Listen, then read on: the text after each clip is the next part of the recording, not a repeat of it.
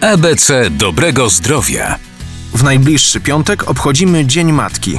Z tej okazji warto zwrócić uwagę naszym mamom, jak ważne dla ich zdrowia są regularne badania profilaktyczne.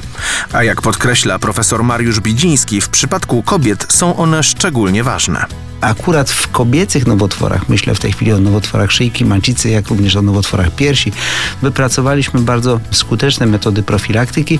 Problem polega tylko na tym, że ilość osób, które korzystają z tej profilaktyki nie jest satysfakcjonująca. Rzeczywiście, wiele pań przyznaje, że w natłoku codziennych obowiązków zapomina o regularnych badaniach. A przecież są one ogólnodostępne i dla wybranych grup wiekowych całkowicie bezpłatne. W przypadku raka szyjki macicy mamy tą grupę od 25 do 59 roku życia, natomiast w przypadku raka piersi od 50 do 69 roku życia. Przypomina nasz ekspert. Pamiętajmy, że wykrycie kobiecych nowotworów na wczesnym etapie daje szansę na całkowite ich wyleczenie. Niestety wciąż blisko 80% przypadków wykrywanych jest zbyt późno. Warto badać się regularnie. Kampania społeczna Planuje Długie Życie, realizowana w ramach Narodowej Strategii Onkologicznej we współpracy z Ministrem Zdrowia.